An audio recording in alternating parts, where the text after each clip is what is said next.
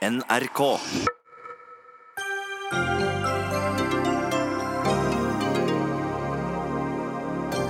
Bryt meninger, vær uenige, sa Jonas Gahr Støre til landsstyret i Arbeiderpartiet. Dagen etter at sekretariatslederen gikk fordi han ikke kunne være i samme rom som partisekretæren. Og er det egentlig i tråd med loven når, Giske, nei, når Støre sier at Giske-sakene var godt nok opplyst uten skriftlig svar fra Giske? Bondelaget mener søskenpar i Telemark ikke skal få dele opp gården mellom seg. Men gjett hvem som bygger ned nær en firedel av matjorda? Jo, det gjør bøndene. Og hvis man som anmelder setter en høy standard, ja, så blir det mye morsommere, sa Aftenpostens anmelder om at de i år vil bruke hele terningen når de anmelder skolerevyene. Men morsomt for hvem?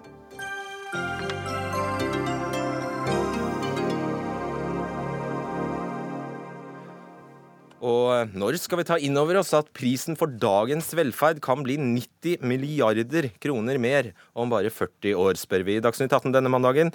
I studio Fredrik Solvang. Ja, Det har vært nok et begivenhetsrikt døgn i Arbeiderpartiet. I går trakk sekretariatsleder på Stortinget Hans Christian Amundsen seg etter en personkonflikt med partisekretær Kjersti Stenseng. Og i dag har det vært ekstraordinært landsstyremøte på Gardermoen, der det ble vedtatt at Trond Giske kastes ut av sentralstyret. Jonas Gahr Støre sa bl.a. dette om håndteringen av metoo-varslene. Trond har i to møter fått komme med sin versjon av de enkelte varslersakene. Han har fått over tre uker i januar til å komme med ytterligere informasjon skriftlig om han så ønsker. Og hans advokater har fått all informasjon om sakene, også den informasjonen som er kommet fram etter våre møter med ham 21.12. og 1.1. Og det er tilstrekkelig til å si at denne prosessen har vært rettferdig og opplyst. Og la meg si en ting. Når jeg sier jeg tror på varslere, så betyr ikke det at alt det som blir sagt, ikke blir ettergått. Men det betyr at du møtes med den holdningen at det du nå har erfart, tror jeg deg på i din historie.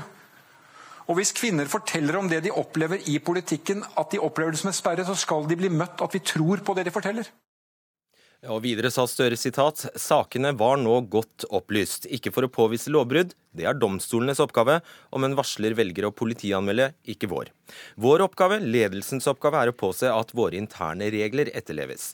Og til det var disse sakene godt opplyst, godt nok for at vi som organisasjon kan si vårt regelverk om seksuell trakassering er brutt.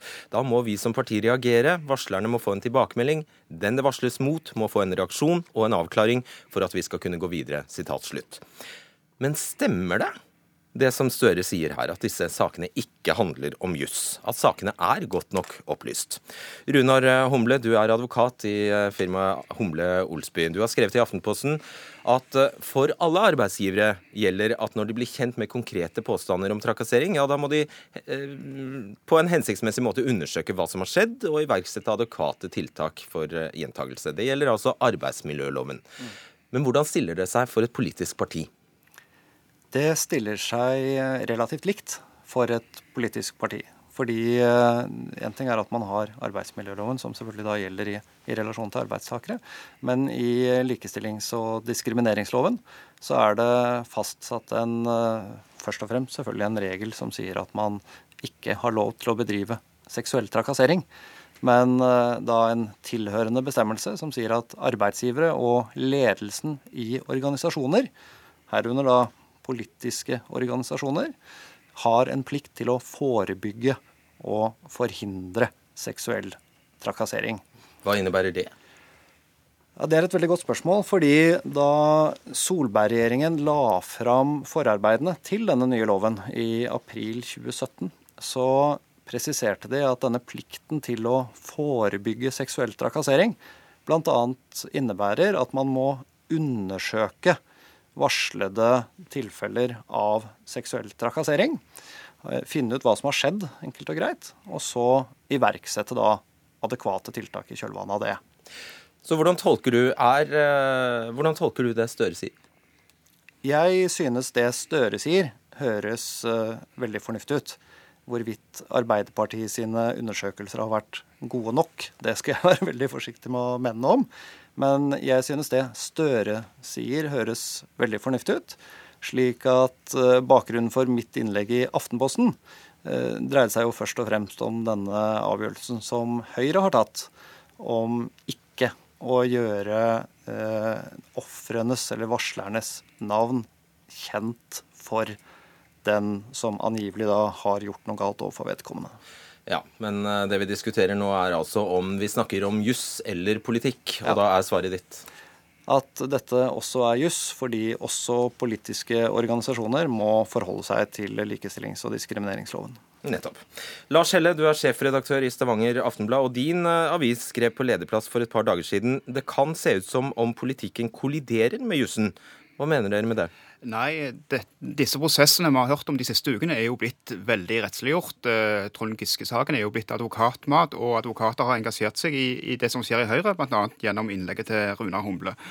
Og, og, de har for det første glemt at uh, de sakene vi kjenner til, så har den som er anklagt for å ha trakassert, de har til dels innrømt at de har brutt interne regler.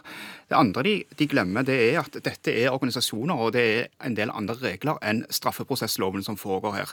Jurister har en tendens til å bli frustrerte hver gang en eller annen prosess ikke følger den saksbehandlingsprosessen som vi har i domstolene, og det kommer helt på autopilot de vanlige faste frasene, f.eks. om kontradiksjon, som er blitt et ord hele Norge har lært seg de siste ukene.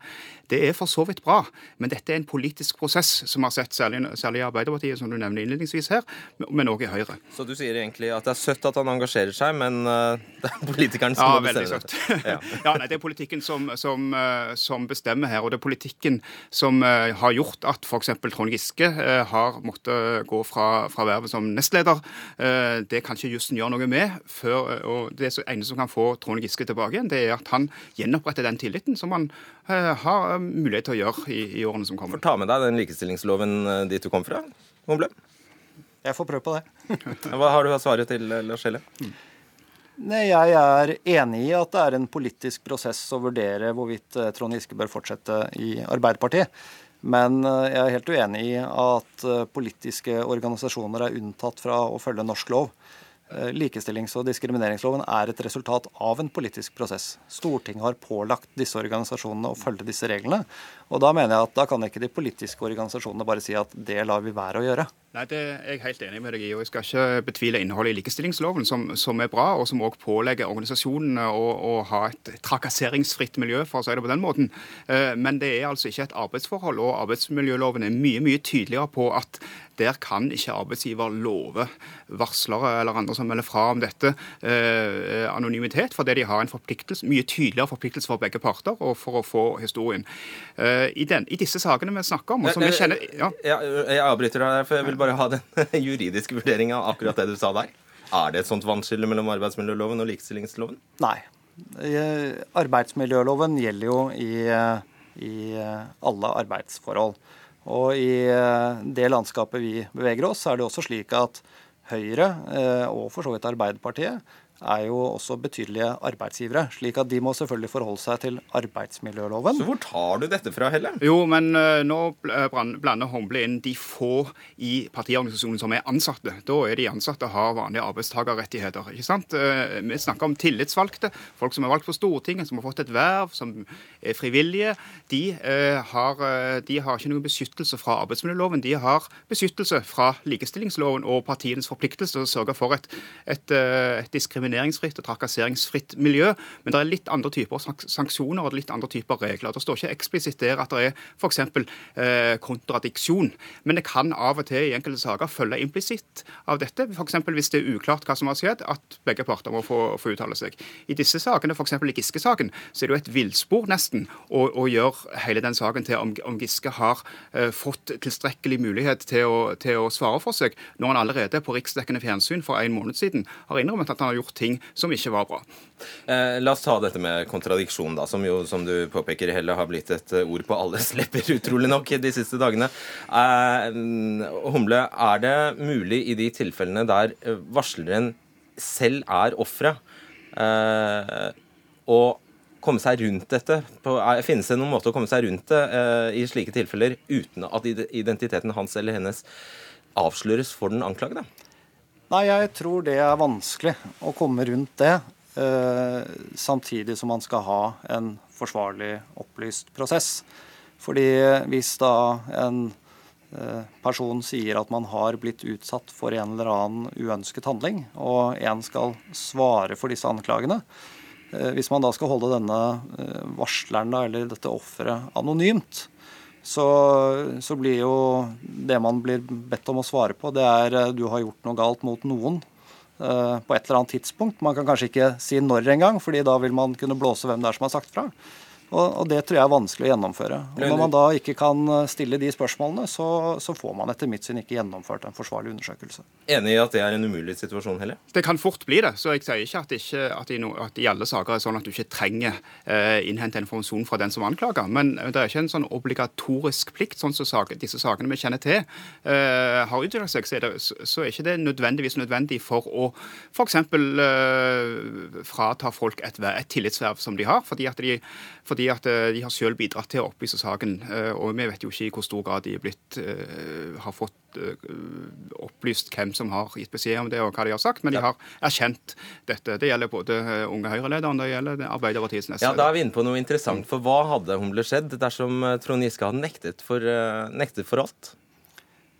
Ja, akkurat Når det gjelder Trond Giske, så tror jeg han har fått informasjon om hvem som hevder at han har gjort noe galt overfor ja, dem. Det, eh, det, det, skjønner vi at han har fått det. Men hva hadde skjedd hvis han, eh, hans svar, ja. i stedet for å gå på Dagsrevyen og bekjenne, ja. eh, hadde vært 'dette kjenner jeg meg overhodet ikke igjen i', det er visvas fra ende til land. Hva hadde skjedd da?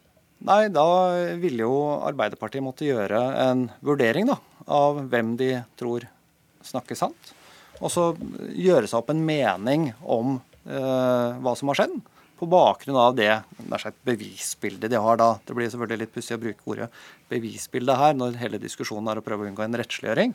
Men de må nå gjøre seg opp en mening om hva de tror har skjedd, og så handle på bakgrunn av det. For nå, og, Teoretisk sett så kunne jo da Trond Giske gått til retten og, og, og den, med denne saken. og Da ville de normale prosedyrene og beviskravene oppstå, selvfølgelig. Men det er det som er problemet for mange advokater, at i en del, andre, en del prosesser utenfor rettssystemet, så, så inntar ikke de på samme måte. Humble, eh, Altså, er ikke, Kan ikke moralen her plutselig bli at det er, blir om å gjøre å bare nekte for, eh, for, alt? Fordi arbeidsgiver eller eh, organisasjon vil jo da uansett kunne bruke en eh, innrømmelse mot den i neste omgang. Og her er det altså ingen det er, Ja. Det, alt skjer utenfor rettssystemet. Nei, jeg tror poenget i de sakene vi snakker om, det er at vi må erkjenne at vi har to ganske tungtveiende hensyn som står mot hverandre. Det ene hensynet det er at det å varsle og si fra om at man har blitt utsatt for f.eks. seksuell trakassering, det er veldig belastende. Og de som sier fra om det, de fortjener en god beskyttelse. Men på den andre siden så er det sånn at den som eh, blir beskyldt for å ha gjort dette, også fortjener å unngå en Kafka-prosess. Og det er den avveiningen Stortinget har gjort når de har laget disse reglene, som da sier at på tross av den belastningen som varsleren kan bli utsatt for, så må vi undersøke disse sakene. Og bare av nysgjerrighet, Hvis da partiet kom til at her var det, ikke, her var det faktisk ikke iverksatt uh, noen adekvate tiltak for å hindre gjentagelse, f.eks. Mm. Partiet hadde i dette tilfellet overhodet ikke uh, gjort slik loven uh, krever, og forebygd og forhindret trakassering. Hva da? Ja, Det hadde jo ikke hindret dem nødvendigvis i å miste tilliten til Trond Giske. Men, Men det ville jo sett veldig rart ut? Ja, Ikke nødvendigvis. Så skulle fulgt loven? Ja, Det ville jo også sett veldig rart ut hvis f.eks. Diskrimineringsnemnda skulle blande seg inn i en prosess i Arbeiderpartiet. Så det er problematisk når politikken møter jussen på akkurat dette området. Le, uh, Lars Helle, uh, du påpeker at partiet velger sine egne retningslinjer og hvordan de vil praktisere brudd på dem. Men så er det jo flere som har påpekt at det sel eh, selsomme i akkurat denne Giske-saken er nettopp at det i Arbeiderpartiets retningslinjer ikke er nedfelt noen reaksjoner eller sanksjoner som følge av brudd på retningslinjer, og derfor er man der man er i dag. Ja, men så ser vi jo at politikken er et eh, dynamisk, eh, en dynamisk ting hvor ting skjer eh, likevel. For det handler så mye om, om tillit, om velger, hva velgerne tenker og hva de andre øvrige tillitsvalgte tenker. Og Derfor så har det fått konsekvenser helt uavhengig av hva type regler vi har og hva slags juridisk system vi har. Og Det er heller ikke sånn at jeg mener, eller at Stavanger Aftenblad mener at folk ikke skal ha rett til å forsvare seg og rett til, til å mene noe. Men, men, det er noen tilfeller altså hvor, hvor, uh, hvor politikken helt ubønnhørlig møter, møte jussen. Og vi er inne i en prosess som er i ferd med å skape stor samfunnsendring. Eh, denne metoo-bevegelsen kommer til å føre endre holdning til dette for alltid. Eh, og, og, da, da, eh, og hvor folk har, har en helt annen oppfatning av hvor grensen skal gå. Og, og, Da tror jeg ikke vi kan stoppe den bare med å vise til forskjellig lovgivning. Du får siste ord på vegne av alle verdens advokater, Humle. Jeg vil uh, si at de som blir utsatt for seksuell trakassering, bør si ifra om det. Og de som mottar varsler om seksuell trakassering, må gi dem en beskyttelse og en omsorg og ta dem på alvor. Men de kan ikke gjøre det ved å love dem at navnet deres ikke vil bli gjort kjent for trakassøren. For det er et løfte som er veldig vanskelig å overholde. Ok, Takk skal dere ha, Runar Humble og Lars Helle. Dagsnytt 18 alle hverdager kl 18.00 på NRK P2 og NRK2.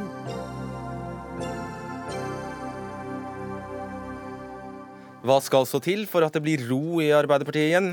Arbeiderpartiets sentralstyre Nei, Arbeiderpartiets landsstyre konkluderte i dag med at det ikke er naturlig at Trond Giske fortsetter i sentralstyret. I talen til eh, sine egne på det ekstraordinære landsstyremøtet som partiet holdt i dag, tok eh, Jonas Gahr Støre et oppgjør med lekkasjer fra hemmelige møter. Og Magnus Takvam, politisk kommentator her i NRK med oss fra Gardermoen. I hvilken grad vil du si eh, Jonas Gahr Støre klarte å nå sine egne med denne talen? Ja, jeg tror han i stor grad greide å nå dette landsstyremøtet med, med, talen. Møtet er for øvrig akkurat slutt, og partiledelsen står bak meg her og blir eh, intervjuet og oppsummerer eh, landsstyremøtet akkurat nå. Eh, det jeg overhørte eh, eh, det kan hende, men nå står de og snakker med andre fra NRK, så vi får i hvert fall med oss det de sier når, når den tid kommer. Men eh, ja, det, det er, har jo vært mye på en måte spenning knyttet til hvor høyt konfliktnivå det ville bli på dette møtet, gitt den eh, turbulensen som har vært på forhånd. Og da er eh, budskapet at det har vært eh, Folk har sagt ærlig fra om ting de har vært misfornøyd med, men at det har skjedd på en måte som gjør at alle er opptatt av å se, se framover. Eh, det ble fra Gahr Støre bl.a. vist til at det var nevnt Hadia Tajiks eh, Facebook-innlegg i én referanse fra talerstolen. Jeg vet at Oslo-partiet fikk en del kritikk for det oppropet de samlet seg om i løpet av denne prosessen, men at det ikke var på en måte på et veldig høyt konfliktnivå. Det har også vært røster som har vært kritiske til eh, vedtaket om eh, sentralstyret og Trond Giske, men man har tatt det til etterretning. Så det, det er noen stikkord fra, fra, stemningen på landsstyremøtet. Men han hadde altså et uh, ganske engasjert uh, en ganske engasjert del der han, der han altså gikk i rette med lekkasjene. Det, vil han greie å få orden på dem? Altså, det vil selvfølgelig vise seg. Jeg tror i hvert fall på kort sikt så er eh, alle, uansett ståsted i partiet, nokså utslitt av den opprivende konflikten som har vært. Og man håper å få dette landsstyremøtet til å være et slags punktum for det. Men det er klart hvordan det kommer til å gå videre, det avhenger både av altså, Trond Giske og hans eh, nettverk og miljø, hvordan han håndterer eh, prosessen videre. Og selvfølgelig også de som har vært kritikere mot, mot, han og mot deler av, av, partiledelsen. Det er ikke noe problem, hvis, hvis, man vil det, å skape ganske heftige konflikter i, i Arbeiderpartiet framover. Man skulle tro vi hadde planlagt dette, Magnus, for det var jo det perfekte stikkord til Tone Sofie Aglen, politisk redaktør i Adresseavisen. Nå har altså Giske trukket seg som nestleder, som eh, finanspolitisk talsperson, og er nå også ute av sentralstyret. Hvordan eh, blir dette mottatt i hjemfylket Trøndelag? Jeg tror nok at eh, resignasjon er et uh, viktig stikkord her.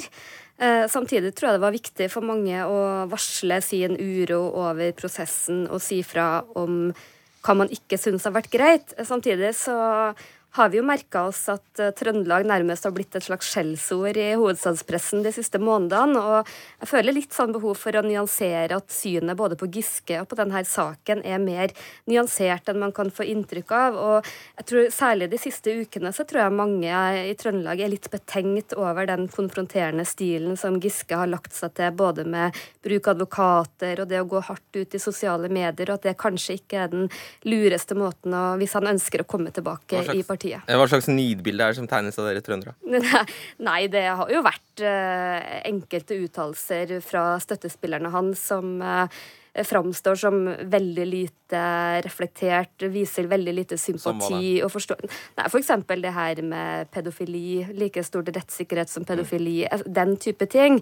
Og jeg opplever ikke at eh, det er et uttrykk for hvordan eh, Trøndelag eh, opplever Giske. Han er en kontroversiell politiker også i Trøndelag. Samtidig så tror jeg mange er kanskje vel så bekymra for hva man mister med politikeren Giske, som at man er veldig opptatt av han og, og hvordan han har blitt behandla.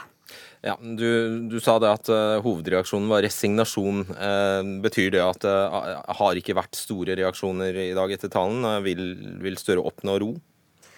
Jeg opplevde i, i, forkant så var mange opprørt og var tydelige på at de ønska å kjøre denne litt sånn prinsipielle prosessen knytta til sentralstyret. Hvem som har makt å si hvem som skal sitte der og mm. ikke. Og ikke minst det her at jeg tror nok mange mener at Støre med fordel kunne ha venta til Giske var friskmeldt, slik at han kunne gi sin versjon. Når jeg nå hører hvordan de uttaler seg, så, så tenker jeg at eh, enten så har de virkelig blitt overbevist av eh, Støre sin tale, eller så har man bestemt seg for at nå kommer man liksom ikke noe vei videre med å, å protestere. Nå må man bare liksom legge ned våpnene og prøve å slutte rekkene. Mm.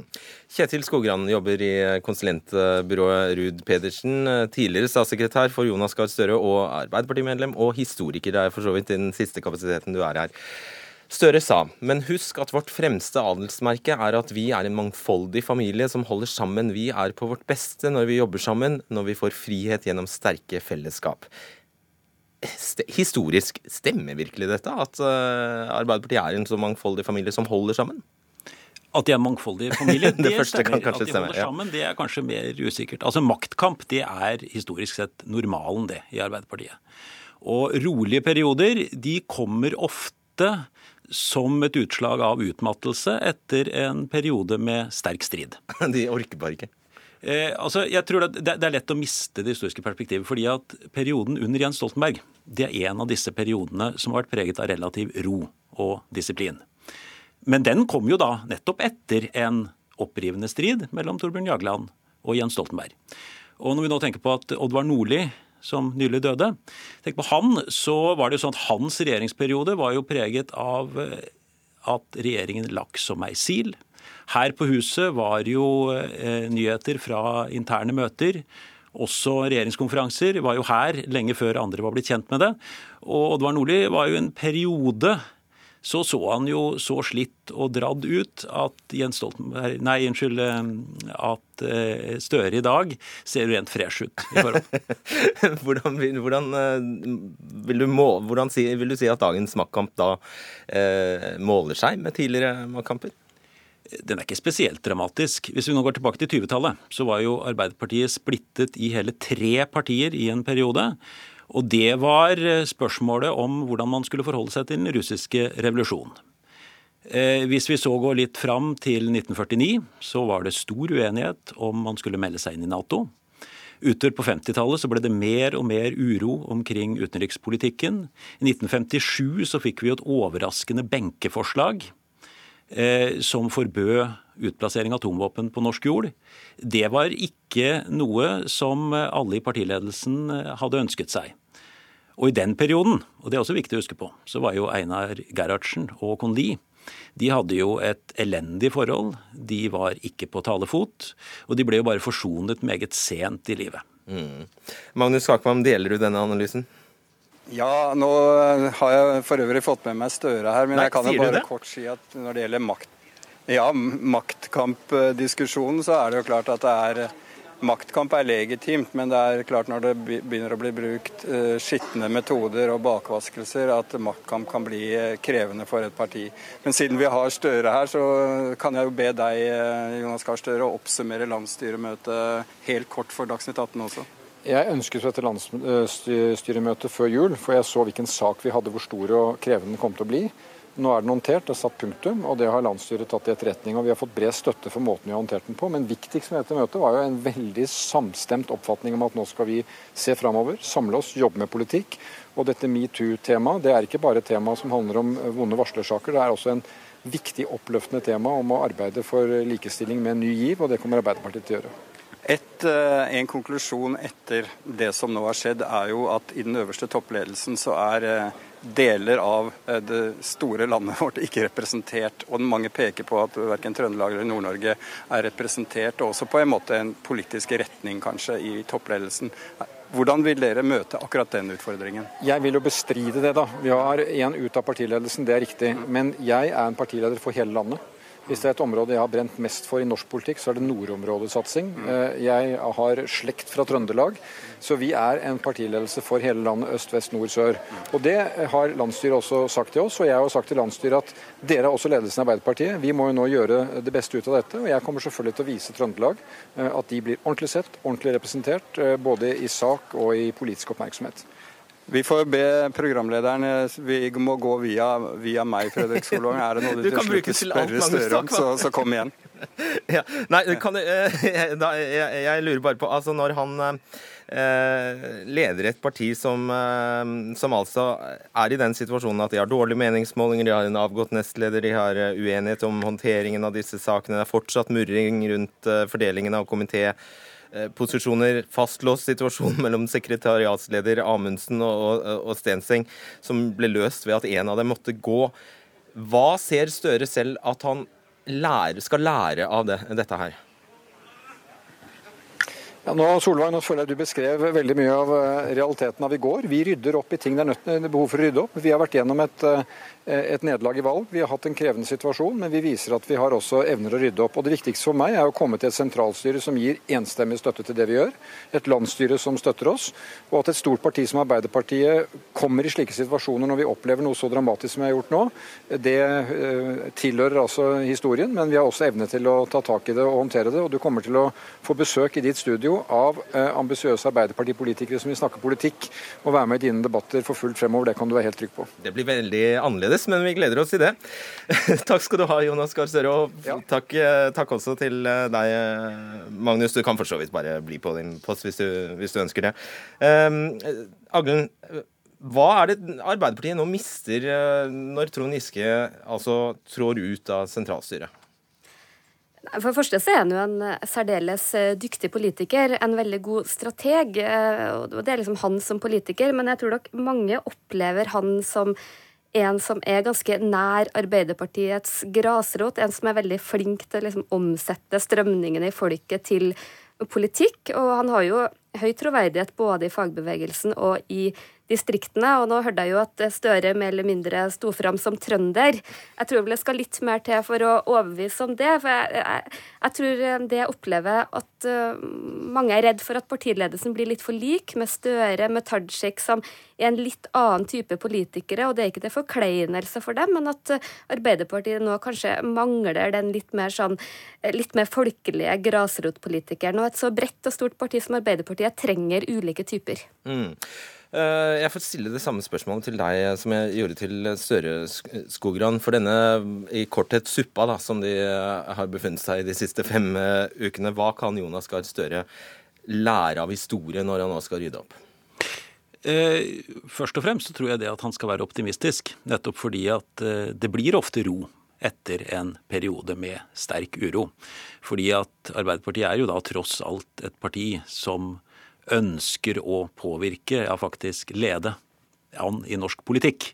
Eh, slik at når disse, når disse konfliktene blir altfor omfattende, så oppfattes det som utmattende, og gradvis så begynner man å se at man sager over den greina man sitter på.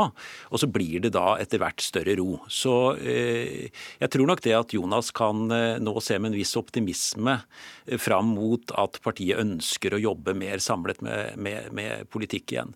For det er jo sånn at Arbeiderpartiet har jo egentlig historisk sett sine røtter i to tradisjoner.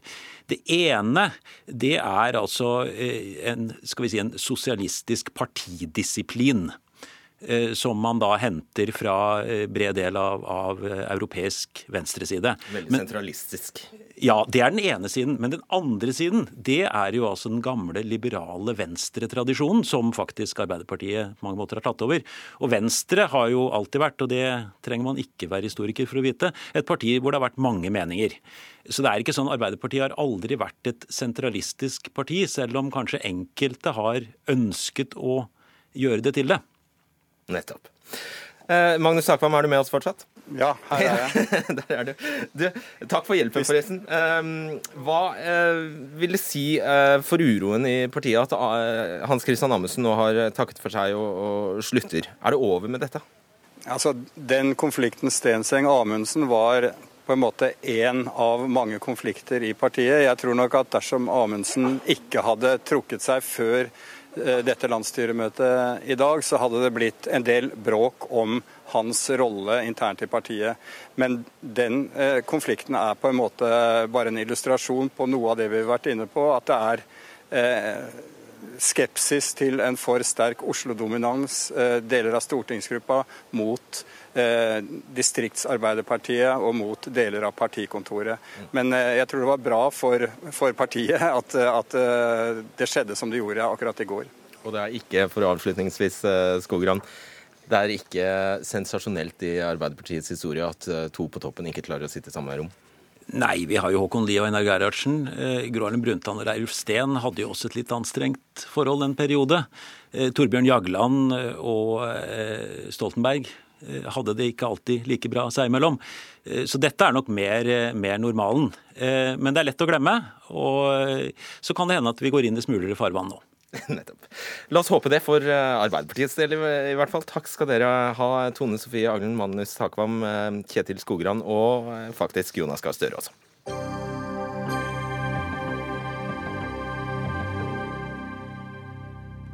Sist uke hadde vi besøk i dette studio av Solvår Mowinckel Småkasin, som ikke får dele familiegården i Hjartdal i Telemark med broren sin, Ole Einar. Norges Bondelag er enig med fylkesmannens dom. De bør ikke få lov til å dele gården mellom seg for å sikre at jord brukes til matproduksjon. Selv står landbruket for 22% av nedbygging av landbruksjord i Norge. Per Skorge, generalsekretær i Norges eh, Bondelag. Så du altså, du skal ta et søskenpar som vil dele opp den eneste arven de sitter igjen med etter at foreldrene døde i en flyulykke. Når når dere selv er med på å bygge ned matjorda? Eh, jeg har sympati for eh, denne familien, eh, men det som her er spørsmålet, det er jo skal vi sørge for at de ressursene som er på gårdsbruka, blir liggende igjen på gårdene og i bygda, og skape grunnlag for bosetting og arbeidsplasser. Og da er det sånn at De enkelttilfellene så kan vi ikke bygge politikk basert på det. Vi må spørre hva er det vi egentlig ønsker. Ønsker vi å legge til rette for verdiskaping? og sørge for at det blir arbeidsplasser og, og bosetting på, på, bygda. Det er det dette handler om, overordna sett. Mm. Så prinsippet er greit, men eh, i praksis gjør dere noe annet? Ja, altså Det andre som du trekker fram, det er nok et helt annen sammenheng. fordi at det handler om eh, nedbygging av jord. Eh, og I en del tilfeller så bygges husdyrbygningen på, på jord. Nye husdyrbygg.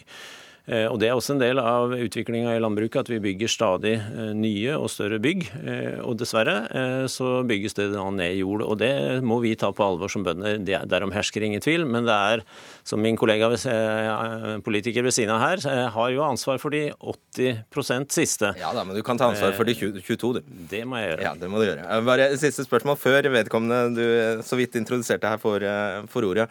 Eh, du er vel enig i at denne saken fra Hjartdal i bunn og grunn handler om en argumentasjon der man sier at både Fylkesmannen og dere har sagt at av hensyn til Uh, av hensyn til avvirkning, at man ikke ønsker mer avvirkning av matjord, så kan ikke denne del delingen forekomme. Nei, det er helt riktig at uh, når vi ser at uh, jorda blir uh, liggende igjen på bruka, og det ikke bor noen der, så ser vi at ofte at jorda da i mindre grad blir brukt til matproduksjon. Og for oss er det viktig at de 3 dyrka mark i Norge som vi har, det er ganske lite, at de blir brukt til matproduksjon. Derom hersker ingen tvil.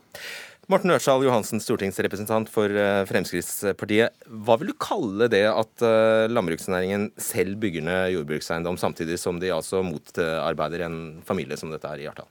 Altså, mitt prinsipp rundt dette her er at en bonde han eh, eier jorda si, han eier eiendommen sin, og skal kunne disponere den på den måten han sjøl finner best for å utvikle arbeidsplasser, som også min uh, sidemann sier, uh, for å skape, eller for å bidra til verdiskapning. Vill vest, altså. Og det, og det gjør, nei, og det gjør de fleste bønder. Eller alle bønder gjør det. Og de dyrker jorda. Men det som er så artig, det er at òg Per Skorge og Bondelaget de er jo imot at de som virkelig vil satse på jordbruket, vil ha store gårder, store enheter og produsere produsere mer mat. Nei, de skal ikke få lov til det. La oss starte i den, eh, den andre enden. Nei, Bondelaget har blitt det nye småbrukarlaget. Det er det ingen tvil om.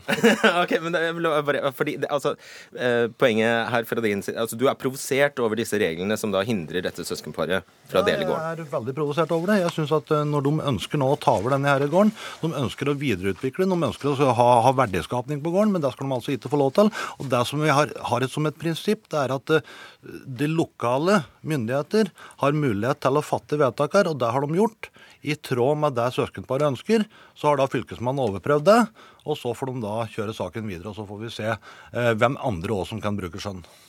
Og så er det jo sånn, Skorge, at lokalt så var jo Vi hadde jo besøk av ordføreren, som da er eh, Arbeiderpartimann. De mener at dette, til, dette vil fremme, eh, fremme, bygda og vil fremme bosettingen i, i bygda.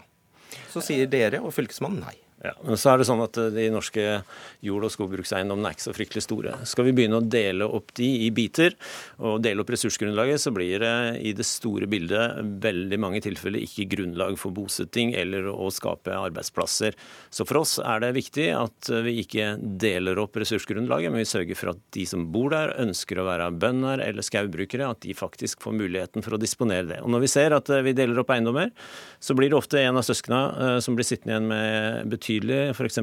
utmarksressurser, Bo bor langt unna. Og ofte så ser vi at de utmarksressursene da blir eh, liggende eh, i liten grad blir tatt i bruk og skaper verdier. For oss er det viktig at det skapes verdier, ikke at det blir liggende brakt. Så gårdsturisme er ikke verdier?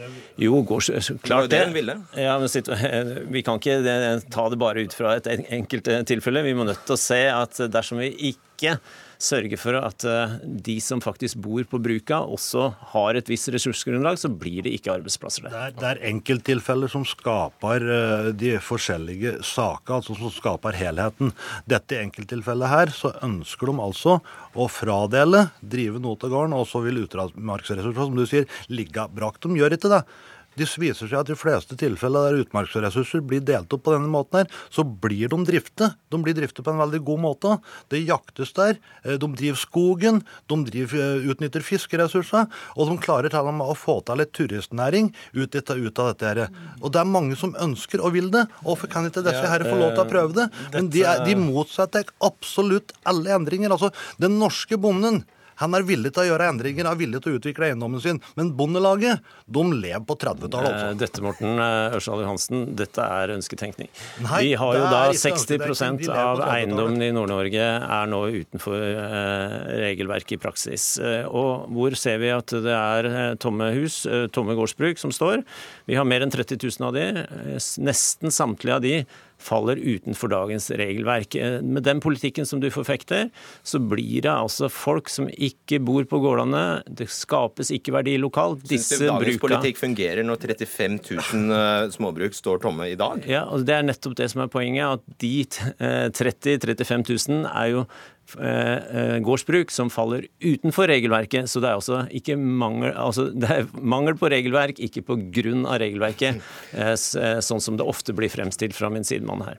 Når regelverket nå ble endret sist, så ble det ikke mange som falt utenom, og fortsatt så drives jordbrukseiendommen. Per Skorge, jorda drives, og det er det som må være poenget. At en driver jorda, at en produserer mat på den. Og da må en òg kunne legge til rette for å fradele og kunne selge til hvem en vil, til den prisen en vil, slik at de som ønsker å kjøpe jord, kan få lov til å kjøpe den og få lov til å drive og få lov til å utvide bruket sitt, skape verdier på bruket sitt og produsere mat til det norske og folk. Dette har man jo testet ut i en rekke land, bl.a. i Storbritannia. Man tester det ut i Danmark. Og hvem er det som sitter igjen med jord- og skogbrukseiendommene? Det er ikke vanlige folk, det er ikke bonden, men det er, folk med altså selskaper og fond. Da vil altså ikke, store. Da vil, da, bonden, da vil da ikke bonden drive jorda, da? Nei, da er det greit. Ja, hvis den ikke det, Nei, da, da, hvis den ikke vil det, så selger den det til noen andre som vil drive det.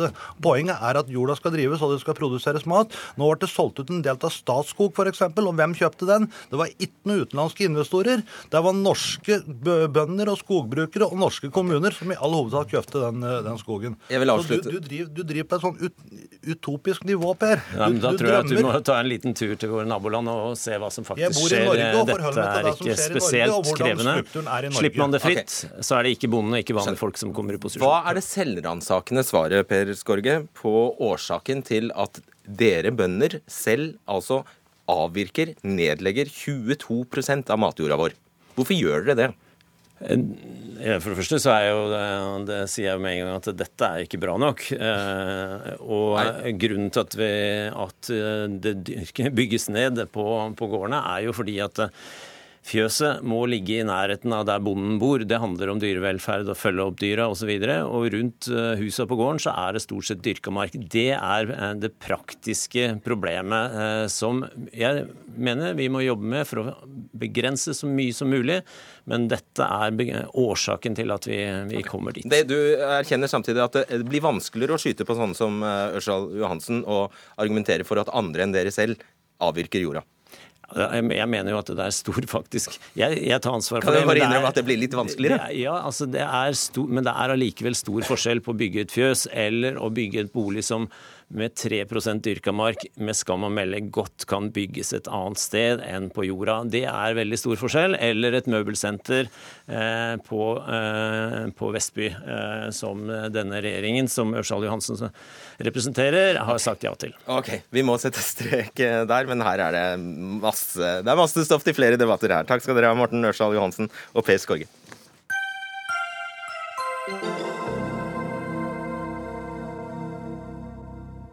Det er det for så vidt rundt neste tema også. For for første gang har Nav satt en prislapp på framtidens trygder og ytelser. I dag nemlig NAV, eh, kom nemlig Nav ut med en rapport som viser at deres utbetalinger vil øke et sted mellom 20 og 90 milliarder kroner i 2060, det er bare drøyt 40 år, siden, eh, år til, der alderspensjon er den desidert største belastningen. Og Det mm, store sprikket eh, her er forskjellen på høy, altså mellom 20 og 90 milliarder, det er forskjellen på høy eller lav befolkningsvekst i landet eh, framover. Vi kommer altså dårligst ut med lav befolkningsvekst. Ole Kristian Lien, seksjonssjef eh, i Nav. Kan du bare forklare det litt nærmere? Ja, eh, altså Denne rapporten handler om hvordan befolkningsutviklingen vil påvirke trygdeutgiftene gjennom Nav eh, framover. Og hvor vi også har sett på hvor stor andel av verdiskapingen som vil gå til, til Navs trygdeordninger. Og, og, som andel av verdiskapningen så ligger trygdeutgiftene i dag på rundt 16% av bruttonasjonalprodukt. Det vil øke til mellom 17 og 19,5% i 2060, ifølge våre eh, framskrivinger. Og målt i dagens kroneverdi så tilsvarer det en økning på mellom 20 og 90 milliarder kroner. Mm. Ikke avskrekkende prosenter, men siden vi snakker om store, så store mengder, så blir det store tall eh, også. Um, dette er jo en uh, forenklet rapport, sier dere. Uh, kort, hvilke variabler har dere utelatt? Ja, altså Her rendyrker vi effekter av endringer i befolkningssammensetningen. Først og fremst i alderssammensetningen i, i befolkningen framover. Eh, så det betyr at vi holder ganske mye fast. Vi antar at eh, bruken av de forskjellige trygdeytelsene i ulike aldersgrupper i befolkningen holder seg på dagens nivå. Vi har lagt til grunn et gjennomsnittsnivå de siste tre årene. Og så har vi videre lagt til grunn at uh, sysselsettingen i ulike aldersgrupper i befolkningen uh, hoved, som hovedregel holder seg på samme nivå. Det var jo pessimistisk.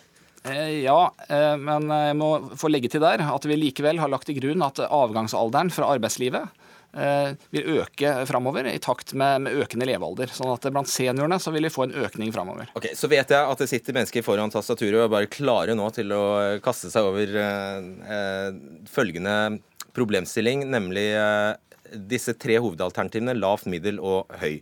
Eh, for befolkningsvekst. Det, hvordan er fordelingen mellom fødsler og innvandring? Ja, så vi, vi, bruker SSBs befolkningsframskrivinger. og eh, I deres alternativ med lav befolkningsvekst så er det både lave fødselstall og lav innvandring.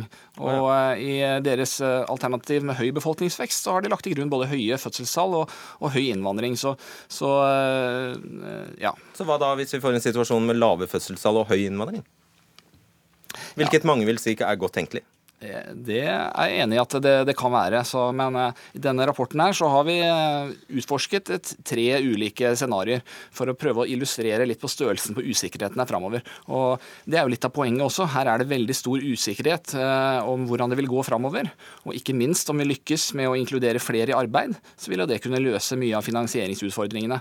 Men poenget er at i alle de ulike scenarioene vi ser på, så vil det kreve en større andel av verdiskapingen til Navs trygdeutgifter. så at, det, at det, det vil kreve mer, det, det, er ganske opplagt. Men, ja. men det er pensjoner som, som, er den store utfordringen. For eh, stort sett de fleste andre trygdeytelsene så ser vi en ganske stabil utvikling framover. Og det er jo de, de gode nyhetene. Vi skal er, ikke gå mer på sykelønn, vi skal ikke gå mer på de, andre, på de andre ytelsene. Det er egentlig nesten bare alderspensjon som vil øke. Ja, det, som andel av verdiskapingen så er det det. Aller siste spørsmål til deg. Det gjelder eh, fremdeles sysselsetting og innvandrere. fordi La oss si at uh, altså Her har dere slått sammen alt og bare lagd et snitt, ikke sant? selv om vi vet at innvandrere i, eh, har mye lavere sysselsettingsandel eh, enn nordmenn. Da forutsetter dere jo på en måte status quo, at ingen flere innvandrere kommer seg i jobb. Eh, ja, altså det er en vanskelig, komplisert problemstilling som du tar opp der. og eh, Det finnes andre analyser, bl.a. fra SSB, som har sett på hvordan, eh, hvordan innvandring vil kunne påvirke sysselsettingsratene framover. Akkurat det har ikke vært fokus for oss her, for her er det hvordan aldringen av befolkningen vil påvirke både sysselsettingen og, og trygdeutgiftene framover. Men ulike innvandrergrupper har ulike sysselsettingsrater, og i framtiden kan vi der også få andre nivåer enn vi har i dag, avhengig av hvor godt vi lykkes med inkluderingspolitikken f.eks. Så uh, det skaper ytterligere usikkerhet, selvfølgelig. Nettopp. Uh, Foreløpig takk for redegjørelsen. Kirsti Bergstø, fungerende leder i SV. Da rapporten kom ut, sa dere at høyresiden skaper trygdepanikk. Hva mener dere med det? Ja, Det er fordi høyresida bruker enhver anledning der man ser at Eh, tall eh, på eh, kostnader på velferden øker, til å angripe fellesskapsløsninger og velferd. Har de gjort det denne gangen? Hvis man regner med Spekter som en del ut av høyresida, og debatten jeg har hatt tidligere i dag, så, så må jeg absolutt si det. Og det er jo kjent sak. altså Høyresida sine ungdomspartier har vært ute og krevd kutt i sykelønna. Høyresida er ofte ute og sier at man har ikke råd til fremtidas Eh, velferd. Jeg vil si at det er et spørsmål om fordeling og et spørsmål om omfordeling. Eh, på samme måte som eh, høyresida har tatt noen tøffe prioriteringer for å gi mye i skattelette til de som er mest fra før, ja, så vil vi ta noen prioriteringer for fellesskapet. Ja. Vi får høre, om, vi får, får høre med høyresida her, da, representert ved deg, Margaret Hagerup, stortingsrepresentant for Høyre. Det er en kjent sak dette her, at uh, utgiftene kommer til å vokse dramatisk bare for å finansiere den samme velferden vi har, uh, har, i dag. Så hva er hovedløsningen fra deres side? Nei, Jeg håper jo at det er en kjent sak, men sånn som det høres ut fra min venstre side her, så kommer det litt overraskende på. Men uh, Høyre har jo lenge sagt at vi trenger bærekraftig velferd. Det handler jo om å få enda flere inn i arbeidslivet. Det handler om å få flere ungdom inn med aktivitetsplikt. Det handler om å få flere seniorer inn. Da tror jeg det handler om mye av det som sitter mellom ørene. At en må tenke at 50 år er ikke avleggs på en CV, og at en må jobbe litt med dette her. For klart eh, skal vi klare å finansiere velferden, så må enda flere i arbeid. Så dere har egentlig bare ett grep, nemlig å få flere i arbeid? Nei, men vi har ikke, SV mener jo at en skal fordele velferd, og vi mener at vi må skape velferden. Nei, for folk hun, hun beskyldte dere for å spre trygdepanikk, bl.a. ved å an antyde at her Ja. må det kuttes i Jeg- jeg- jeg ordninger. vil- Så nå lyttet jeg veldig nøye Ja. for å høre om du, om du gikk inn for noe sånt. Noen påstår at høyresiden har bestilt denne her rapporten. Jeg vil jo si at han kom som bestilt, for han viser det samme som jeg også sier. Vi har en utfordring med fremtidens velferdssystem. Og du har én løsning. Få Jeg har mange. Få flere i jobb. Og vil du kutte noen eh, ytelser? Nei, men jeg mener vi skal diskutere ytelser. Nei, det var det. Nettopp. Ja, og ja, Hva betyr det? At vi skal diskutere de forskjellige helserelaterte ytelsene. For det er sånn som det er i dag Jeg har jo rekruttert en del personer tidligere. Så sitter en ofte og sier at nei, den jobben kan ikke jeg ta, for da taper jeg penger fra Nav. Det er bl.a. et tiltak vi må se på. Det skal alltid lønne seg å jobbe. Nå snakker du i koder. Sier du nå at det bør kuttes i ytelsesnivå? Nei, jeg sier vi skal vurdere. Det må alltid være lov å snakke om bedre løsninger. Vurdere og kutte. Ja. Ok, Der fikk du kanskje trygdepanikken? Eh, er er kjent. Eh, Problemet er bare at eh, folk verken blir yngre eller friskere av at det kuttes ytelser. Men det kommer verken som en overraskelse at folk blir eldre etter andelen eldre øker i samfunnet, og heller ikke at Høyre vil vurdere nye kutt når vi ser at utgiftene øker. Nei, Men når det, når det sies at flere folk må i arbeid, så er det viktig å tenke på to ting. Det ene er at andelen folk i arbeid er ganske høy i Norge, sammenlignet med andre land. vel å merke. Det betyr ikke at vi har en vei å gå. Eh, og så er spørsmålet hva er det som gjør at folk kan stå i arbeid over tid? Eh, og der er jo høyresida sitt svar eh, at man skal privatisere, konkurranseutsette. Eh, det betyr økt press på eh, arbeidsforhold, lønn og pensjon. Og det er jo noe som støter veldig mange ut av arbeidslivet eh, før man når eh, pensjonsalder. Så hva vil SV gjøre? Ja, Da ønsker vi å ha et godt og trygt arbeidsliv som folk faktisk kan stå i over tid. Så det er SVs løsning. Godt og trygt arbeidsliv. ja, Det er en ut av Ok. delene. Det andre er jo spørsmålet om hvordan skal vi finansiere fremtidas velferd. Ikke sant? For det er 90 milliarder, kanskje? Det er jo det som ja, det er jo det største estimatet i denne rapporten. Og så sier de jo veldig tydelig at det er usikre tall. Eh, og vi er jo opptatt av at vi skal ha en rettferdig fordeling. Rettferdige systemer og en rettferdig fordeling. Derfor så eh, ønsker ikke vi skattelette til de som har mest fra før, eh, men de som har Ikke si minst. hva du ikke vil ha. Si og hva du vil ha. heller, heller at de som tjener over 600 000 og mer, skal øke skatten, pluss at vi vil tette hullene i skattesystemet i dag. Fordi er enorm Skal du dra inn er 90 milliarder mer i en- skatt? Nei, men det er en enorm trussel mot velferden Ja, i dag at internasjonale oss holde oss til selskap temaet. ikke Ja, det er det jeg gjør. Eh, ikke eh, Ja, og da spør jeg betaler deg, Skal du skatt. dra inn 90, skal du tette dette Hvis- spriket på 90 milliarder med skatt? Økt skatt? Eh, Ja, både, både økt skatt og omfordeling. Fordi hvis at internasjonale selskap hadde bidratt til fellesskapet, hvis Google, Facebook osv. hadde bidratt til fellesskapet, så hadde vi fått ganske eh, solide eh, Ikke 90 milliarder. skatteinntekter. Altså Det blir jo eh, pga. 90 12 kan jo- milliarder i Her er jo et anslag eh, i fremtida der du tar utgangspunkt i det høyeste estimatet. Vi vet at tallene er usikre. Problemet er at høyresida stemmer ned forslag til faktisk å sikre inntekter, og sørge for at også, også internasjonale selskap skal bidra til fellesskapet. Når du sier helserelaterte ytelser, kan du ikke gå rundt grøten og heller eh, henge bjella på katten? Hva er det Nei, jeg har jo gjerne lyst til å svare på det som, Ja, det som SV kommer med nå. Eh, en snakker om trygdekutt og at dette er snakk om trygdekutt. Hvorfor kan vi ikke heller snakke om løsninger? Vi har heltid-deltidsproblematikken, f.eks. heller, du kan heller svare på et spørsmål. Når du sier helserelaterte ytelser, kan du bare si, vær så snill å si at det er sykelønn? Nei, det trenger jeg ikke Nei, si. hva er det da? Helserelaterte ytelser er jo uføretrygd, det er sykelønnsordningen. Mm. Og de tingene må vi kunne diskutere. Vi skal revidere IA-avtalen nå. Jeg vet at jeg forstår at dere er veldig opptatt av å diskutere IA-avtalen, men jeg er jo mest opptatt av å tette gapet som står i perspektivmeldingen. Og da må vi snakke om løsninger, ikke sitte og skyte på hverandre med hvem som mener hva. For det er ingen som vil kutte i trygdeytelsene. Vi vil ha de på en skikkelig måte. Vi vil ikke fordele Men vi har velferd. nitt, vi vil... kanskje 90 millioner å tette. Ja, så vi har en utfordring. Ja, La oss milliarder. snakke om det istedenfor å sitte Og og det gjør på vi faktisk. Men da må dere jo vurdere de løsningene som vi kommer med, Ja. istedenfor bare å skyve regninga til vanlige Nå er det over. Vi tar, tar opp tråden en annen gang. Takk skal dere ha. Hør Dagsnytt 18 når du vil. Radio NRK NO.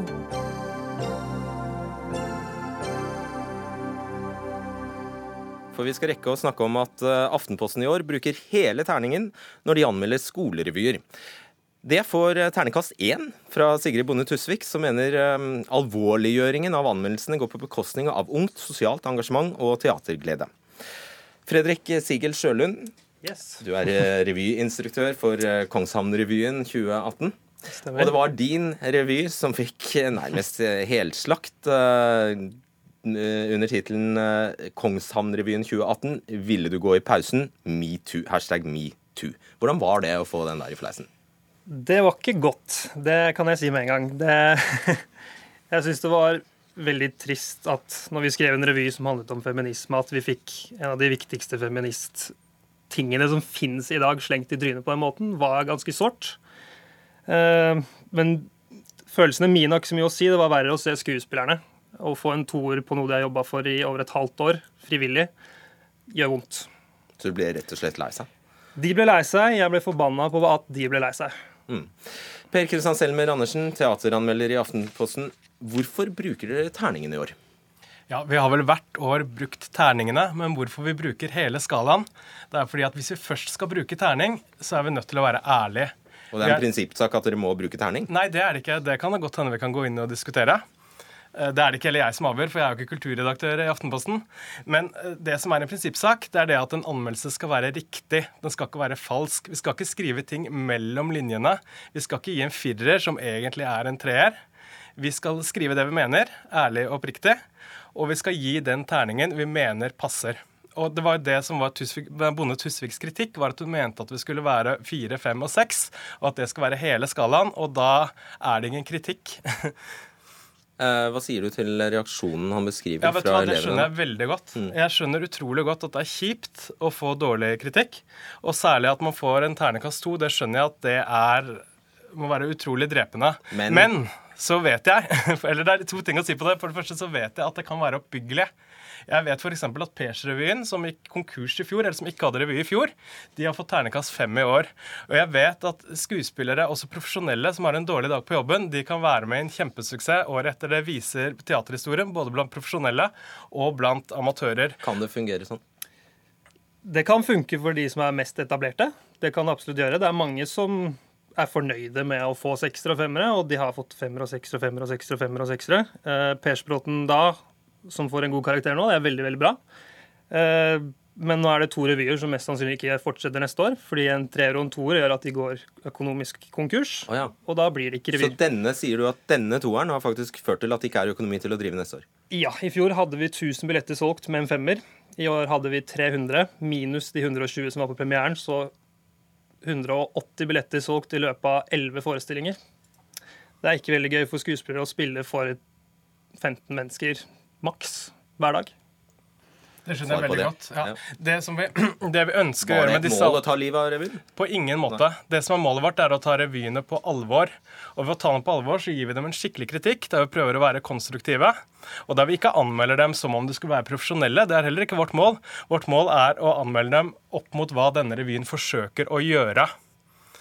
Uh, og han sier at uh, det er tøft at det ikke kommer folk, det skjønner jeg veldig godt. Men det som er min erfaring, for jeg anmelder jo på profesjonelle scener også for Aftenposten, og min erfaring er at vi anmeldere vi har makt, men vi har begrenset makt. Ofte kan et samlet kritikerkorps gi ternekast fem, men likevel gå stykket kjempedårlig på Nationaltheatret. Eller et uh, samlet kritikerkorps kan gi dårlig kritikk, og de selger massevis av billetter. Derfor tror jeg det er litt jungeltelegrafen også. Mm. Og Sjølund, dere hadde vel ikke foretrukket at det kom en slags at det, kom en eh, uærlig anmeldelse i stedet? Nei, det er absolutt ikke noe vi er interessert i. Eh, men når man skal anmelde en skolerevy, så må man anmelde for hva det er. Det er ikke proft. Det er amatører. Det er 16-åringer som ikke har stått på en scene før. De har, bygd opp seg, de har bygd opp en selvtillit som de ikke hadde, til å stå på en scene, til å spille det de har fått. Og det, man skal ikke skrive 'dette var dritt'. Man skal skrive 'dette var bra', 'dette kunne vært bedre'. Det er tross alt ungdommer i den mest sårbare ungdomstiden. Ja, men, eh, det, har vært, det har oppstått mobbing også. Mobbing også. Ok.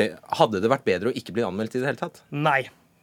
Så hva er da alternativet? Droppe terningkast.